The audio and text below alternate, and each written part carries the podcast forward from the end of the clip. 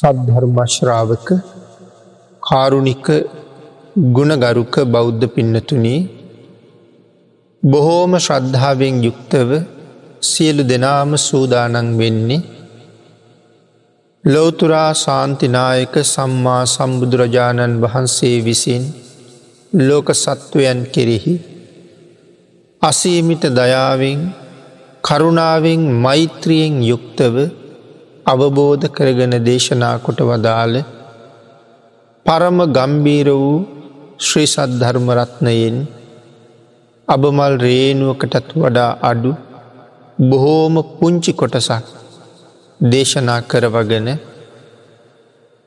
ධර්ම ගෞරවය පෙරදැරි කරගෙන දේශනාගත ධර්මය ශ්‍රවණය කරන්නත් එසේ ධර්මශ්‍රවණය කිරීමෙන් ලැබෙන අවවාද අනුශාසනා තම තමන්ගේ ජීවිතවලට එකතු කරගෙන වඩාත් නිවැරදි මෙලව ජීවිතයක් සකස් කරගන්නත් ඒ තුළින් සුගතිගාමී වූ පරලොව ආයිති භවයකින් සැනසෙන්ඩත් අවසන ප්‍රාර්ථනා කරන බෝධියෙන් සැප සහිත ප්‍රතිපදාවෙන් උතුම් චතුරාර් සත්‍ය ධර්මය අවබෝධ කර ගැනීම සඳහා මේ කුසල් හේතු වාසනාවේවා කියන පරමාර්ථය ඇතුව.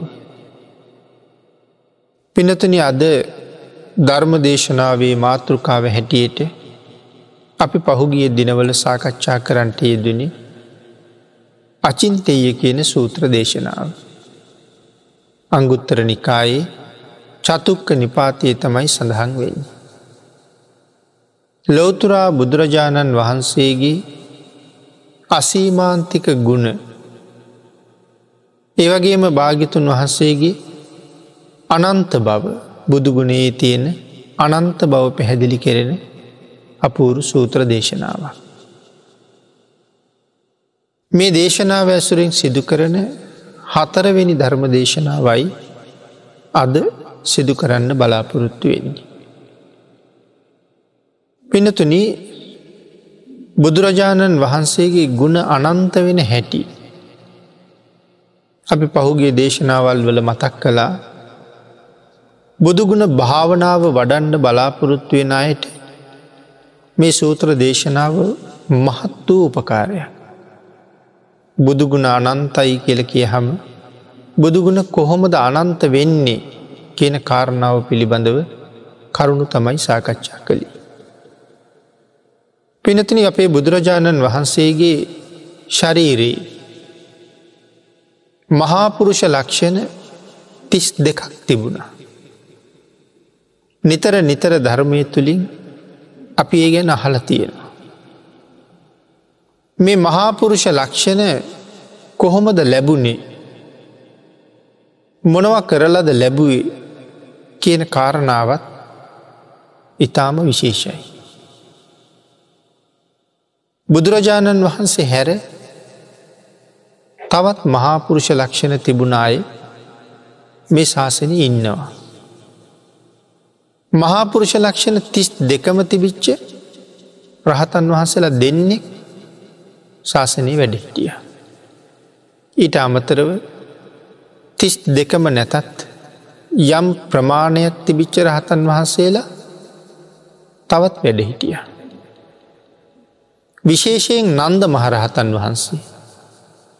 එකන බුදුරජාණන් වහන්සේගේම මල්ලි ප්‍රජාපති ගෝතමින් වහන්සේගේ පුතනුවන්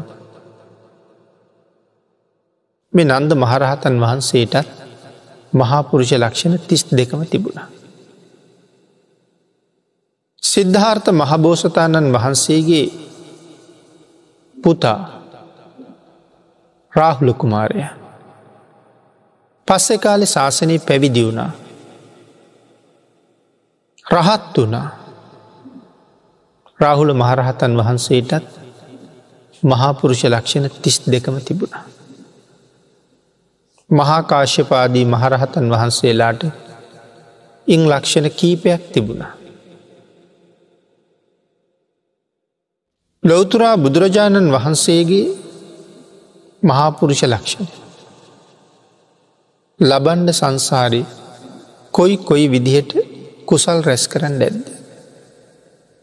පිනතිනි බුදුරජාණන් වහන්සේ ගැන සඳහන් කරහම අපි අසම සමයි කියන කාරණාව සඳහන් කරනවානි. එකන කිසිම කෙනෙකුට සමාන කරන්න බෑ. සමාන වෙනවනන් තවත් ලෝතුරා බුදු කෙනෙකුටම විත. ඉං බාහිර කිසිම කෙනෙකුට සමාන නෑ. ඒනිසා තමයි අසම සම කියල කියන්නේ. එක බුද්ධෝත් පාද කාලයක එක බුදුරජාණන් වහන්සේ නමයි පහළවෙන්න. බුදුරජාණන් වහන්සේල දෙනම ලෝක එකට පහළ වෙන්නේ නෑ. හේතු ගණනාවක් සඳහන් කරනවා. එක හේතුවක් පැහැදිලි කරනවා බුදුරජාණන් වහන්සේල දෙදෙනෙක් ඔසවාගෙන ඉන්ඩ මේ මහපොලෝ සමත් නෑ කියලා. මහපොලෝට බර වැඩි. ඒ තරම්ම ගුණකදම්බය.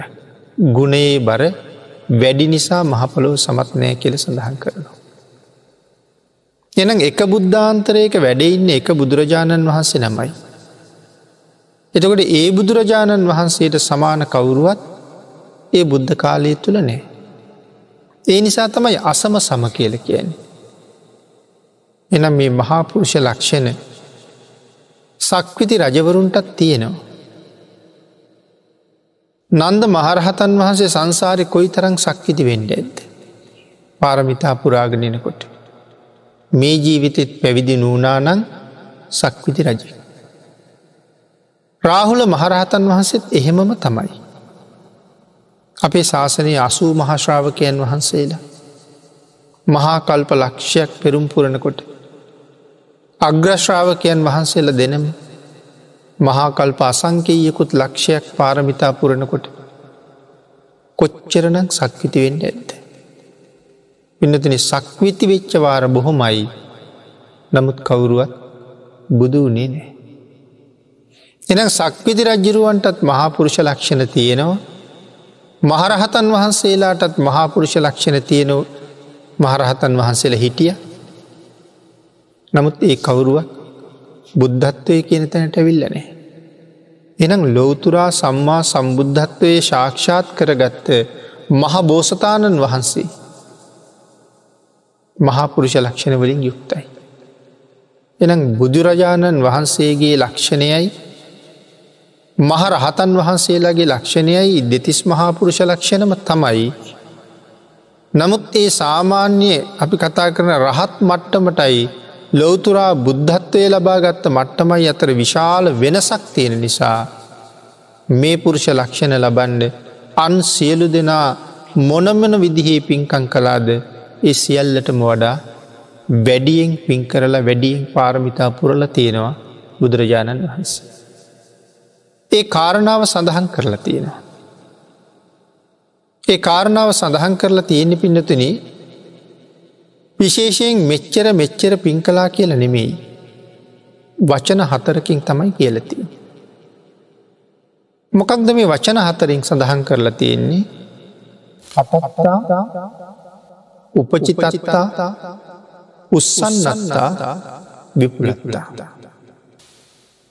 මේ පින් කරලා තින හැටි. කටත්තා කියල කියන්නේ පින් කරන්න ඕනේ උපචිතත්තා නැවත නැවත කරන්න ඕනේ. පිනතින උදාහරණයක් සඳහන් කළුත්.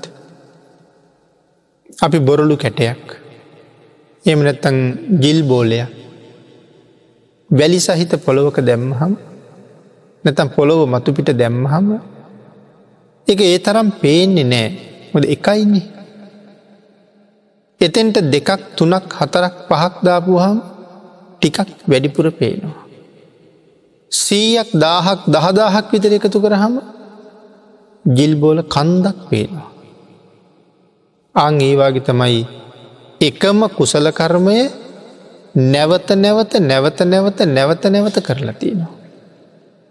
එතකොට නැවත නැවත නැවත නැවත එකම කරහම එතන පින් කන්දක් බවට පත්වෙනවා. එනම් කටත්තා කරන්ඩ ඕනේ උපචිතත්තා නැවත නැවත කරන්නුවනේ. උස්සන්නත්තා අං එහෙම නැවත නැවත කරහම ඉහලට එසවිලා පේනවා. අතින්ට ජිල්බෝල නැවත නැවත දැම්මහම ජිල්බෝල කන්දක් පේනවා. එකම පින්කම නැවත නැවත කරහම එතන පින් කන්දක් තියෙනවා. විපුලත්තා. එතකොට පින්නතුනී එකම පින්කම නැවත නැවත කරලා. තවත් නොයෙක් පින්කං ඒ විදිහටම නැවත නැවත කරනවා. එහෙම කරලා විශාල වශයෙන් පින් රැස් කරලයි තියෙන්නේ. නොයෙක් ආකාරයේ පින්කං කරලයි තිය. අපි මේ විදිහට උදාහරණයක් සඳහන් කළ. අපේ බුදුරජාණන් වහන්සේගේ අභිනීල සුනෙත්ත ඉතාම ලස්සන ඇස් දෙකක් තිබුණා. ඊට සමාන ඇස් දෙකක් දෙවියන්ටත් නෑ ප්‍රහ්මයන්ටත් නෑ එනම් මිනිස්සුන්ට කොහොමත් නෑ. භාග්‍යතුන් වහන්සේගේ නේත්‍ර සඟලට සමාන නේත්‍රයක් තිබුණ කෙනෙක් වෙන කොහෙවත් නෑ. ඒ තරම්ම ලස්සන ඇස් දෙකක් ලබන්ඩ මොනවාගේ පින්කං කරන්න ඇද්ද. පින්නතුන අපි කෙනෙකුට රවල බලනකොට කේන්තීන් බලනකොට අපේ ඇස් දෙකත් වෙනස් වෙලා තියෙන. රතු පාට වෙලා බලන කෙනාට මුහුණ දිහා බලන්ඩ බය හිතෙන බවක් තියෙනවා. ඒ බයත් එක්ක ඒ මූුණ තිබිච්ච ශ්‍රියාවන්තකම නැතිවෙලා භයානක මූුණක් තියන්නේ. විරූපී මූුණක් තියෙන්. අරමුණු කරලා බැලුවොත් බැලූ බැලූ අතේ පේන මහා කඳු යායක් වගේ. අපිටත් භාගිතුන් වහස දේශනා කළා. මේ ජීවිතයේ යටත් පිරිසෙන් තිසරණ සහිතව පන්සිල්වත් ආරක්ෂා කරගෙන.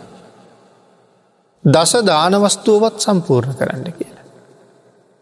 පිනතුන හිතන්නකෝ දසදාන වස්තුව වරක් දෙවරක් තුන්වරක් හතරවර නෙමෙයි නොයෙක් වර මේ ජීවිතය අපි සම්පූර්ණ කරහම මරණාසන්න වෙලාවේ තමන්කරපු පින්කං ටික කල්පනා කරනකොට. මේ මේ විදිහේ පින්කං කරා කියලා හරියට නිකන් කඳු යායක් වගේ දකින්න පුළුවන්. හැම තැනම පේන්නේ අපි කරගත්ත පුුණ්්‍ය කර්මම තමයි. එනම් මහබෝසතාණන් වහන්සේ පින්කරපු හැටි තමයි මේ කියලතියන්නේ. කටත්තා කරලා තියෙනවා. උපචිතත්තා නැවත නැවත කරලා තියෙනවා. උස්සන්නත්තා ඉස්සිලා ඉස්සිලා පේන හැටියට කඳු කඳු වගේ පින්කං කරලා තියෙනවා. විපුලත්තා හාත් පස බලහම හැම පැත්තෙම්ම පේන්නේ තමන්කරපු කුසල කර්මයම පැතිරිලා පේන්න පටන් කන්න. ඒ තරන් පින් කරල තමයි මේ මහාපුරුෂ ලක්ෂණත් ලබලතියෙන්. එහෙමනම් ඒ කරපු තරන් පාරමිතාව පූරණය කරල නෑ කිසි කෙනෙ. ඒ නිසා අන් සියලු දෙනාටම වඩා භාග්‍යතුන් වහන්සේගේ ලක්ෂණ ඉතාම ඉහලයි. ඊළඟට පිනතිරි සඳහන් කරනවා විශේෂයෙන් අනන්ත සක්වල සක්වලවල්වල සීමාවක් නෑ. අනන්ත ජීවීන් එතොට ඒ සක්වලේ කොච්චර ජීවීන් ඉන්නවා දනන්ත සක්වලවල්වල දිවිය ලෝකවල බ්‍රහ්මලෝකවල මනුස්සලෝකවල තිරිසංලෝකවල ප්‍රේතලෝකවල මේ ආදී හැම්ම සක්වලක හැම සත්වයෙක්ම. එක්කෙනෙක් පින්කං සීයක් කරලා තියෙනවා. එක්කෙනෙක් එක සතෙක් පින්කං සීයක් කරලා තියෙනවා. කාරණාවයි මේ පැහැදිලි කරන්න. එතකොට එක්කෙනා එක පින්කම සියවතාවක් කරහම මේ අනන්ත සක්වලේ අනන්ත ජීවීන් කරපු පින්කං ප්‍රමාණය එකතු කළොත් කොච්චර ප්‍රමාණයක් වෙයිද. ඒ කාරණාව සරුවඥතා ඥානයකට වැටහෙනවා මිසක් අපිට තේරෙන්නේ තේරෙන්නේ. එනම් සඳහන් කරනවා අනන්ත සක්වල අනන්ත ජීවීන් එක්කෙනා එක පින්කම සියවතාව බැගින් කරලා ඒ පින්කං කන්ද එකතු කළොත් කොච්චරක් වෙයිද.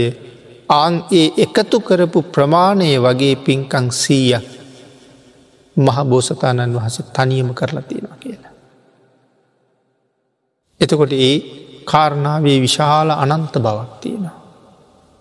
බුදුගුණ අනන්තයි කියල කීවට අපිට ඒක කවදා තේරුම් අරගෙන ඉවර කරන්න බැරි එකයි.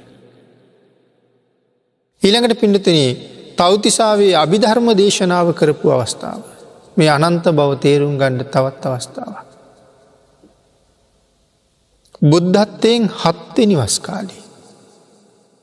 තීර්ථකයන් දමනය කරන්න යමක මහා ප්‍රාතිහාරය දක්වලා අපේ බුදුරජාණන් වහසේ ප්‍රාතිහාරයෙන් පස්සේ රුවන් සක්මනයේදිම කල්පනා කරනවා පෙර බුදුරජාණන් වහන්සේලා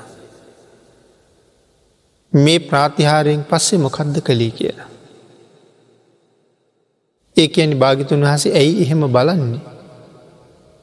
බුද්ධ වන්සේ සිරිත ආරක්ෂා කරන්න. හැම බුදුරජාණන් වහන්සේ නමක්ම එක බලනවා. සෑම බුදුරජාණන් වහන්සේ නමක්ම තීර්ථකයන් දමනය කරන්න යමක මහා ප්‍රාතිහාර දැක්වූට පස්සේ තෞතිසාාවට වැඩම කරනවා වස් සමාදන්වෙන්ට. ඒ සම්ප්‍රදායට අනුව අපේ භාගිතුන් වහසෙත් හත්තේ නිවස්කාලය ගත කරන්නේ තෞතිසායි. බුදුරජාණන් වහන්සේ තෞතිසාාවට වැඩිය නමුත් කෝටි ගණන් මිනිස්සු එකතු වෙලා ඉන්නවා මේ ප්‍රාතිහාරය බලන්ඩාපුුවයි. ඒ අයට භාගිතුන් වහසේ දකින්න නෑ. පස්සේ මහමුගලක් මහරහතන් වහන්සේගෙන් අහපු හම් බුදුරජාණන් වහන්සේ කෝ කියලා. අනුරුද්ධ මහරහතන් වහන්සේගෙන් අහන්න කිව්වා. අනුරුද්ධ මහරහතන් වහන්සේ සඳහන් කළා තෞතිසාාවට වැඩිය කියලා. මාතෘ දිව්‍යරාජයාණන්ට අභිධර්මය දේශනා කරන්නයි වඩි. සියලූම බුදුරජාණන් වහන්සේලා අභිධර්මය දේශනා කරලා තියෙන්නේ මුලින්ම තෞතිසාගේ. ඒ නිසා අපේ භාගිතුන් වහසත් වැඩිය. එතකොට මාතෘදිව්‍ය රාජය වැඩ ඉන්නෙකුහෙද. තුසිත භවන. තුසිත භවනීදලා විශාල දිව්‍ය පිරිසක්. කෝටි ගණන් දෙවිවරුත් එක්ක තෞතිසාාවට වැඩම කරනවා. පිනතන මේ මාතෘ දිව්‍යරාජයක් කියල කීවට මේ පිරිමි දෙවියෙක්. ඇයි මාතෘ කියන නම කියන්නේ. බෝසතාණන් වහන්සේගේ අම්ම නිසා. දිව්‍ය අංගනාවක් නෙමේ මාතෘ දිවිරාජය කියල කියන්නේ. පුරුෂ දෙවියෙක් හැටියට තමයි සඳහන් කරලා තියෙන. එතකොට තුම්මාසයක් වස් සමාදන් වෙලා අභිධර්ම දේශනාව දෙවියන්ට කරනවා. පිනතුන තෞතිසාාව එක දවසකට අපේ අවුරුදු සීයක් ඕනේ. තෞතිසාාව එක දවසකට අපේ අවුරුදු සීයක් ඕනේ. එතකොට ඒ දෙවියන්ට දවසකට එක වේලක් හොඳටම ප්‍රමාණව. ආහාර ගන්නකොට දවසකට එක වේලක් හොඳටම ඇති. එනම් අපේ අවුරුදු සීයකට වතාවක් නේ දේ දෙවියෝ ආහාර වේලක් ගන්න. නමුත් බුදුරජාණන් වහන්සේ මනුෂ්‍යයෙක්. බුදුරජාණන් වහන්සේට ආහාර අවශ්‍යයි. ආහාර වලදන් නැතුව තුම්මාසෙම වැඩඉන්නත් පුළුවන්. දවස් අනුවයින්නේ. භාගිතුන් වහසට අධිෂ්ඨාන ශක්තියෙන් එහෙමඉන්න පුළුවන්. සත් සතිය ගත කරන කාලි. දවස් හතලිස් නමයක්ම වැඩ හිටියන. දවස් අනුවක් වැඩඉන්නවා කියන එක භාගිතුන් වහන්සේට කොහොමත් අපහසුවක් නෙමෙයි. නමුත් භාගිතුන් වහන්සේ දානය වලඳන්ඩ පිණ්ඩ පාතිට වටිනවා. දෙවියෝ එක වේලක් ආහාර වලඳනකොට දවසකට එක පාරක් භාගිතුන් වහස පිණ්ඩ පාති වැඩියහම. මේ දේශනාව ඇතුළේ අනූ වතාවක් මේ දේශනාව නවත් තන්ඩ වෙනවා. දවස් අනුවක් තියෙනවන් දවසකට එක වේලක් පිණ්ඩ පාති වඩිනව කියල කියන්නේ වතාවල් අනුවක් දේශනාව නවත්තන්ටුව.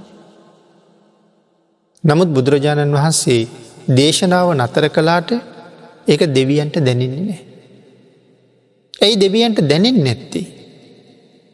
දෙවියන්ට ධර්මදේශනාව සිදු කරන අතරේම බුදුරජාණන් වහන්සේ අධිෂ්ඨාන කරනවා තවත් බුදුරුවක් මැවෙන්ට. අධිෂ්ඨාන කරලා බුදුරුවක් මවනෝ. බුදුරජාණන් වහන්සේ ධර්මාසනයෙන් නැගිටින වෙලාවට. බස් සමාදන් වෙලා ඉන්න පාණ්ඩු කම්බල සයිලාසන.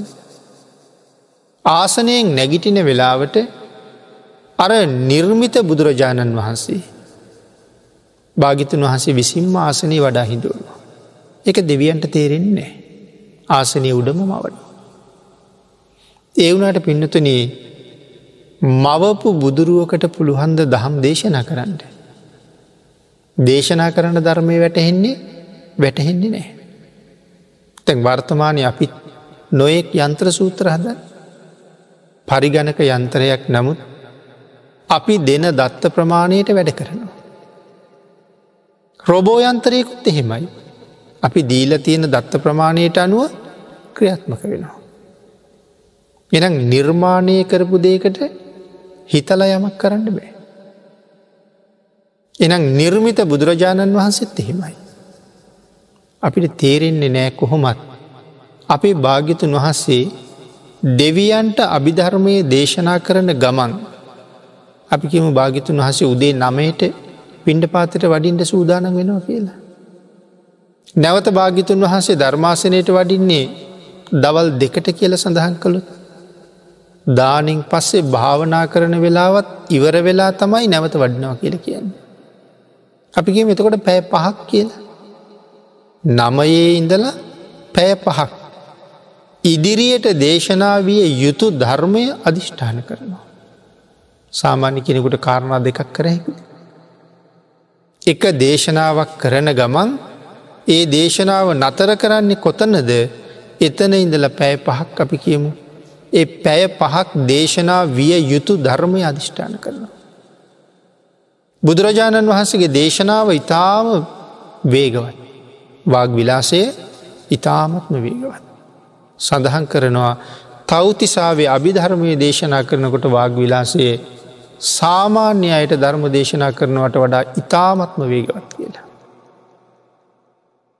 අර නිර්මිත බුදුරුව අධිෂ්ඨාන කරපු ධර්ම ප්‍රමාණය දේශනා කර. නිර්මිත බුදුරජාණන් වහන්සේ ආසනී වැඩඉන්නවා අධිෂ්ඨාන කරපු ප්‍රමාණය දේශනා වෙනවා. දෙවියන්ගේ කල්පනාව භාගිතුන් වහසේ ආසනී වැඩඉන්නවා කියලා. බුදුරජාණන් වහන්සේ අනවතප්ත විලගාවට වැඩල පැං සැනහිලා උතුරුකුරු දිවයිනට පින්ඩ පාති වඩිනවා. නැවත පිඩිසිගාගෙන අනවතප්ත විලගාවට වැඩල සිංගාගත්ත දානිටික වලඳලා විවේක ගණ්ඩ ඒ ළඟ තියෙන සඳුන් වනාන්තරයකට වඩිනවා කියල සඳහන් කරනවා. චන්දන උද්‍යානයක් කියල කියන්නේ. සැරියුත් මහරහතන් වහන්සේ භාගිතුන් වහසේ විවේක ගන්න වෙලාවට එතෙන්ට වඩිනවා. එතෙක් දෙවියන්ට දේශනා කරපු ධර්මය සැරියත් මහරහතන් වහන්සේට මාතෘකා හැටියට දේශනා කරනවා. දේශනාවම කරන්නේ නෑ මාතෘකා ටික වගේ තමයි කියන්නේ. මාතෘකාව සඳහන් කරහම ඒ මුළු දේශනාව අවබෝධ කරගණ්ඩ තරන් මහ ප්‍රඥාවක් සාරිපුත්තයන් වහන්සේට තියෙනවා. සැරියොත් මහරහතන් වහන්සේ ඒ ඉගෙන ගත්ත ධර්මය මනුස්සලෝකට ඇවිල්ල භික්‍ෂූන් වහන්සලට දේශනා කරනවා. ආංගේ දේශනා කළ ප්‍රමාණය තමයි අදාපි සප්ත ප්‍රකරණය කෙල කිය. අභිධර්මය ප්‍රකරණ හතයි ඒ ප්‍රකරණ හත සාරිපුත්තයන් වහන්සේ ඉගෙනගෙන ඇවිල්ල දේශනා කරපු ප්‍රමාණය. එහෙමන පිනතුන එතන තියෙනවා මහ පුදුමානන්ත බව. බුදුරජාණන් වහන්සේ නමක් මවන්්ඩෝනේ. ඒ බුදුරජාණන් වහන්සේ සිවුර පොරවන විදිහ අධිෂ්ඨාන කරන්න ඕනේ.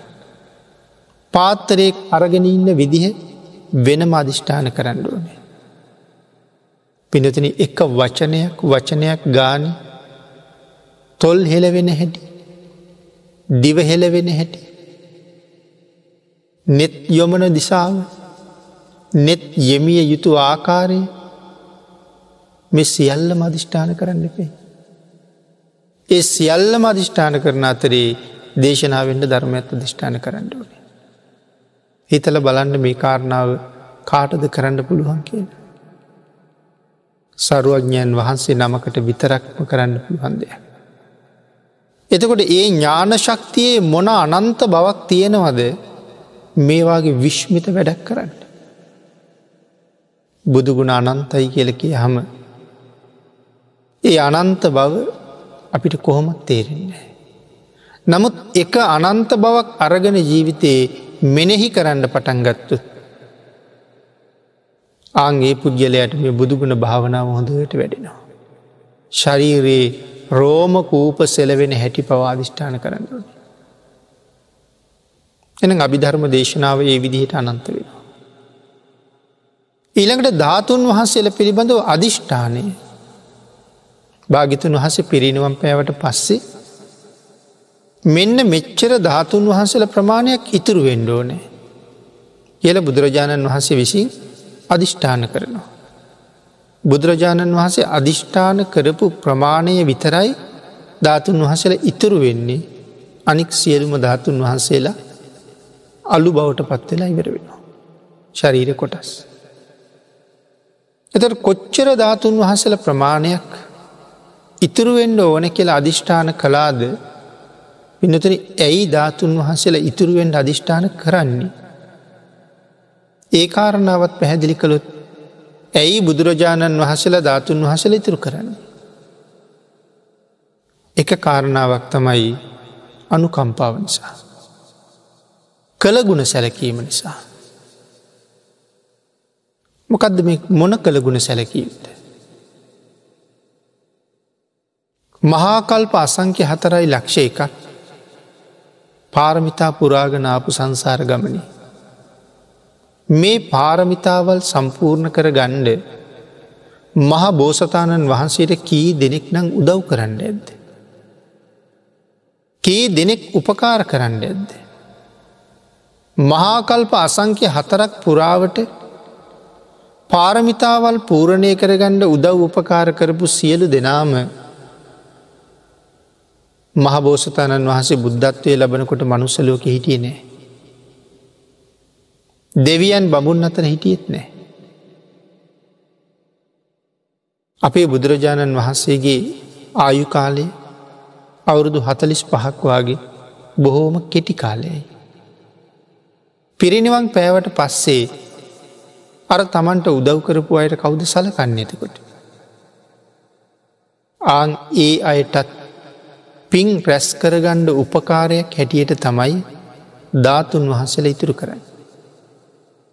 ධාතුන් වහන්සේට කරන වන්දනාවත් ලෝතුරා බුදුරජාණන් වහන්සේට කරන වන්දනාවත් ආනිසංස දෙකක් නෙමේ අපිට ගෙනල්ල දෙන්නේ එකක්මයි.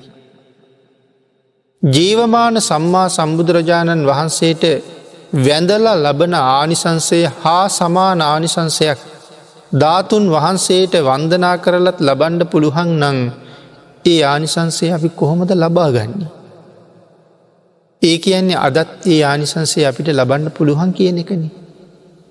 එන කොහොම දයානිසංසේ ලබන්නේ අද. ආං ඉතින්ට තමයි වටින්නේ ජීවමාන සම්මා සම්බුද්ධ සංඥාව කියන එක. ඒ කොහොමද ජීවමාන බුද්ධ සංඥාව කියල කියන්නේ. අපේ පිනතුන් යම් චෛත්‍ය මලුවකට ඇතුල්ලෙනවා. එමනත්තං ධාතු මන්දිරයකට විහාර මන්දිරයකට බෝධි මලුවකට අපි ගමන් කරනවන්නන් අපි මෙන්න මෙහෙම අධිෂ්ඨානයක් තියාගණ්ඩුවනේ.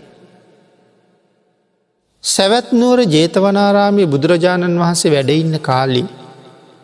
අපට අවස්ථාවක් ලැබුණනන් ජේතවනාරාමයේ සුගන්ධකුටිය ඇතුළට ගිහිල්ලා.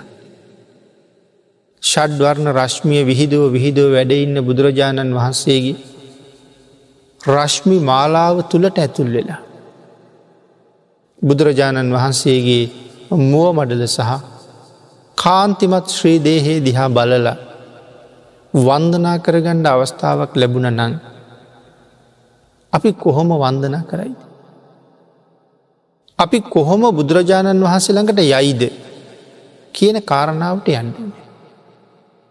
ඇත්තටම සුගන්ධකුටියට යන්න ලැබුණ නම් යන විදිහ කොහොමද ඒ විදිහට ඇතුල්වෙන්ට චෛත්‍ය බලට. ඒ විදිහට ඇතුල්ලෙන්ට විහාර මන්දිරය ඇතුළට. එදා සුගන්ධකුටියේ වැන්දනං මෙහෙමයි වඳින්නේ. කියන විදිහටම ඒ විහාර මන්දිරය ඇතුළි වන්දන කර. ආං ඒ ශ්‍රද්ධාව ඒ පැහැදීම ජීවමාන බුදුරජාණන් වහන්සේට වන්දනා කරලා ලබන කුසලේ හා සමාන කුසලයක් අපිට අත්පත් කරුණු. දම්පැම් පූජා කළත් එහෙමම තමයි. වර්තමානය නම් සමහරය බොහෝ තර්ක කරනවනේ. මේ පිළිමවලට පූජා පැවැත්තුවා කියලා ආනිසංස ලැබෙනවද කියලා. පූජා පවත්වනායට නොයෙක් දේවල් කියලා චෝදනා කරනවන්නේ. නමුත් පින්නතන කාරණාවතියන මෙතන. සැවැත් නුවර ජේතවනාරාමි ඒ සුගන්ධ කුටිය ඇතුළට ගිහිල්ලා දානවේලක් බුදුරජාණන් වහන්සේට පූජා කරගණ්ඩ ලැබුණ නං මං ලෝතුරා බුදුරජාණන් වහන්සේට දානි හදන්නේ කොහොමද. ආං ඒ චේතනාව මත පිහිටලා බුද්ධ පූජාව සකස් කර. ඒ සුගන්ධ කුටියට අරංගියන්නන් ගෙනියන දක්කිනෝදකයේ ඉඳ නැත්තන් අත සෝදන පැංවල ඉඳලා ඒ සියලුම දේවල් බුදුරජාණන් වහන්සේගේ ප්‍රතිමාවළඟ තැන්පත් කරලා ජීවමාන භාගිතුන් වහන්සේට දානි පිළිගැන්වා කියන චේතනාවෙන් වන්දන කර. ඒ කුසලය අඩු නැතුව ලැබෙන බව අපේ ධර්මය බොහෝ තැන්වල සඳහන් කරලා තියෙනවා. ආං ඒකටයි ජීවමාන බුද්ධ සංඥාව කියල කියන්නේ. එහෙමනම් ධාතුන් වහන්සේලා ඉතුරුවෙන්ද අඩිස්ථාන කළේ මොකටද අන්න එවන් ශ්‍රද්ධාවන්තයන්ට සංසාර සාගරයෙන් එතරයන්ට කුසල් රැස්කර ගණ්ඩ අවස්ථාව උදා කරන්නටයි. භාගිතුන් වහසට පාරමිතාපුරණ කාලයේ උද උපකාර කරපු කෙනෙක් නමුත් පස්සෙ කාලි මේ සුගතිය ඉපදිලා ධාතුන් වහන්සේලා වන්දනා කරලා පුද පූජා පවත්වලා තමන් ඒකින් පලනෙරෙනවා. ඒකයි ක්‍රතුගන සැලකීම කියලකිවේ. ඒ අයට ප්‍රයෝජන ගන්න. කොච්චර ධාතුන් වහසල ප්‍රමාණයක් ඉතුරු කරන්න ඇද්ද. ද්‍රෝණ අටක් කියල සඳහන් කරන්න. මහාධාතුන් වහසල ඇරුණහම. මහාධාතුන් වහසල කොපමනක්ද.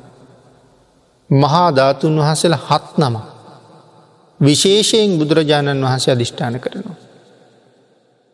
ඒ තමයි දන්තධාතුන් වහසල හතර නම. අකුධාතුන් වහන්සේලා දෙනම සහ ලලාට ධාතුන් වහන්සේ. මේ විශාලතම සරුවඥ ධාතුන් වහන්සේලා හත් නම ඇරුණහම කුඩාධාතුන් වහන්සේලා මධ්‍යමධාතුන් වහන්සේලා මහාධාතුන් වහන්සේලා කියලා නැවත කොටස් තුනකට බෙදෙනවා.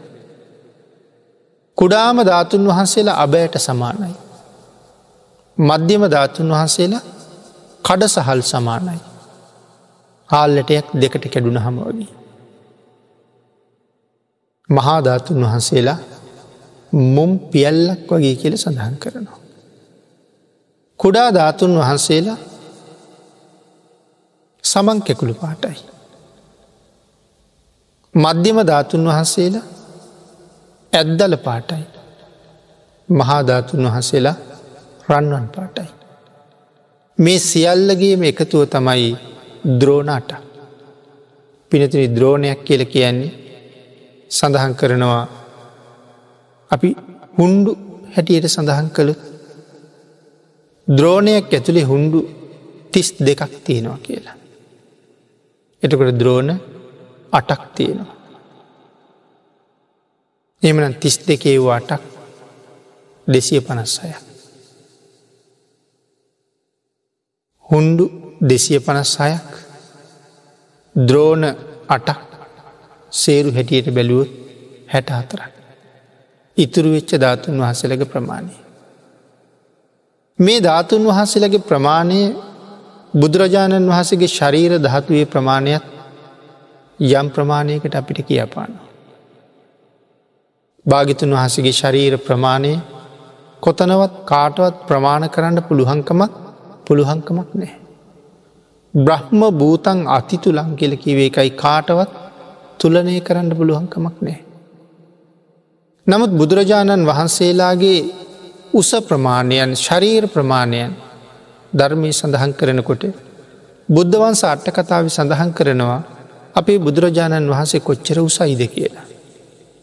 රියන් ගොලින්නම් රියන් දහටක් කියල තමයි සඳහන් කරලතියෙන්. දහට රියනක් ශරීර ප්‍රමාණය උසයි කියලා. ධාතුන් වහසලා ද්‍රෝණ අටක් ඉතුරුවෙන් අධිෂ්ඨාන කළා. දන්ත ධාතුන් වහන්සේලා භාගිතුන් වහසගේ ශ්‍රීමකය වැඩහිටිය හතලිස් නම. සම සතලිස් දන්ත ධාතුන් වහන්සේල කියර නැපි කියන්නේ. ඒ ධාතුන් වහන්සේලා හතලිහිම ඉතුරුණා. එතට අනික් ධාතුන් වහසල කොහෙද තියෙන්නේ. මහා පරණිර්වාණ සූත්‍රයේ ඒ පිළිබඳව සඳහන් කරනකොට කරුණු පැහැදිලි කරනවා චත්තා ලීසා සමාධන්ද. කේසා ලෝමාච සබ්බසු දේවා හරින්සු ඒකේකං චක්කවාල පරම්පරම. මහා දන්තධාතුන් වහසල හතරන මැරුණහම ඉතුරු දන්තධාතුන් වහන්සේලා තිස් හය නම. කේස ධාතුන් වහන්සේලා ලෝම ධාතුන් වහන්සේලා. අනෙකුත් ධාතුන් වහන්සේලා දෙවිවරු අරංගයා කියල සඳහන් කරන. දේවා හරිංසු ඒකේකං චක්කවාල පරම්පර. සක්වල පරම්පරාවෙන් දෙවී අරංගයා කියල කියල. පිනතන කෝටි ලක්ෂයක් සක්වල බුදුරජාණන් වහසගේ ආග්ඥාශේෂත්‍රය. එනම් මේ සරුවඥ ධාතුන් වහන්සේලා සක්වලවල් කෝටි ලක්ෂේම අවමෝසයෙන් වැඩෙන්න. කෝටි ලක්ෂයකනම් කොහොමත් වැඩෙයි. හැබැයි එක සක්වලකට සමහර වෙලාවට තියෙන්නේ එකම එක ධාතුන් වහන්සේ නමයි. කේසධාතුන් වහන්සේ නම ලෝම ධාතුන් වහන්සේ නම එක දන්ත ධාතුන් වහන්සේ නම එක කුඩා ධාතුන් වහන්සේ නම එක ධාතුන් වහන්සේ නමක් තමයි සක්වලටම වැඩේ. නමුත් පින්නතන මේ සක්වල ගැන කල්පනා කරන්නකු. මේ අපි ජීවත්වෙන සක්වල. ධාතුන් වහසල කොච්චර වැඩඉන්නවාද මේ සක්වල. මේ සක්වලෙත් සක්වලක ලෝක තිස්ස එකක් තියෙනවා. මේ සක්වලෙත් මනුස්සලෝකෙට කොච්චර හම්බ වෙලා තියෙනවා. පිනතුන මනුස්සලෝකෙත් ලංකාවේ මොන තරං ධාතුන් වහසල වැඩඉන්නවා. එතකොට එක් සමහර සක්වලකටම වැඩඉන්නේ එකම එක ලෝම ධාතුන් වහසෙනමයි. ද්‍රෝණ අටෙන් අපේ අනුරාධපුරේ මහසෑයි විතරක් ද්‍රෝණයක්ම වැඩඉන්න. එතකොට අනික් හැම තැනටම විසරුණේ ද්‍රෝණ හතයි.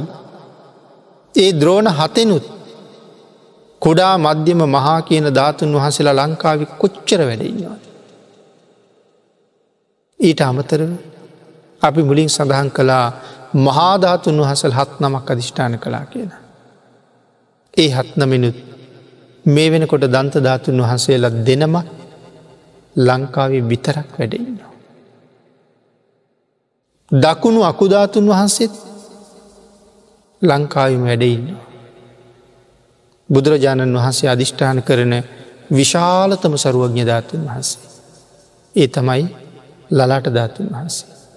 සේරුවාවිල මංගල මහසෑයි අදත් පුද්ධරශ්මි විහිදෝමි වැඩඉන්න. ලංකාවේ අපිට තරන් මේ කෝටි ලක්ෂයක් සක්වලින් අනුග්‍රහ ලැබුණ වෙනත් රටක් නංනෑ. මේ සක්වලට විශේෂ අනුග්‍රහයක් තියෙනවා භාගිතන් වහස වැඩහිටපු සක්වල එයින් අපේ රටට මහ පුදුමාකාර උපකාරයක් කරලා තියෙනවා.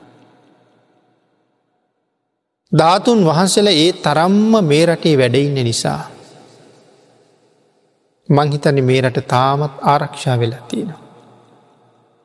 ඇයි මේ රට ආරක්ෂා වෙන්නේ බුද්ධ ශාසනයේ පවතින්ඩෝල නිසා. භාගිතුන් වහසේගේ අධිෂ්ඨානය නිසත් සර්වඥ ධාතුන් වහසලගේ ශක්තිය නිසා මේ රට රැකිල තියෙනවා මිසක්. නැත්තන් අවාසනාවන්ත මිනිස්සු ජීවත්වෙන රට.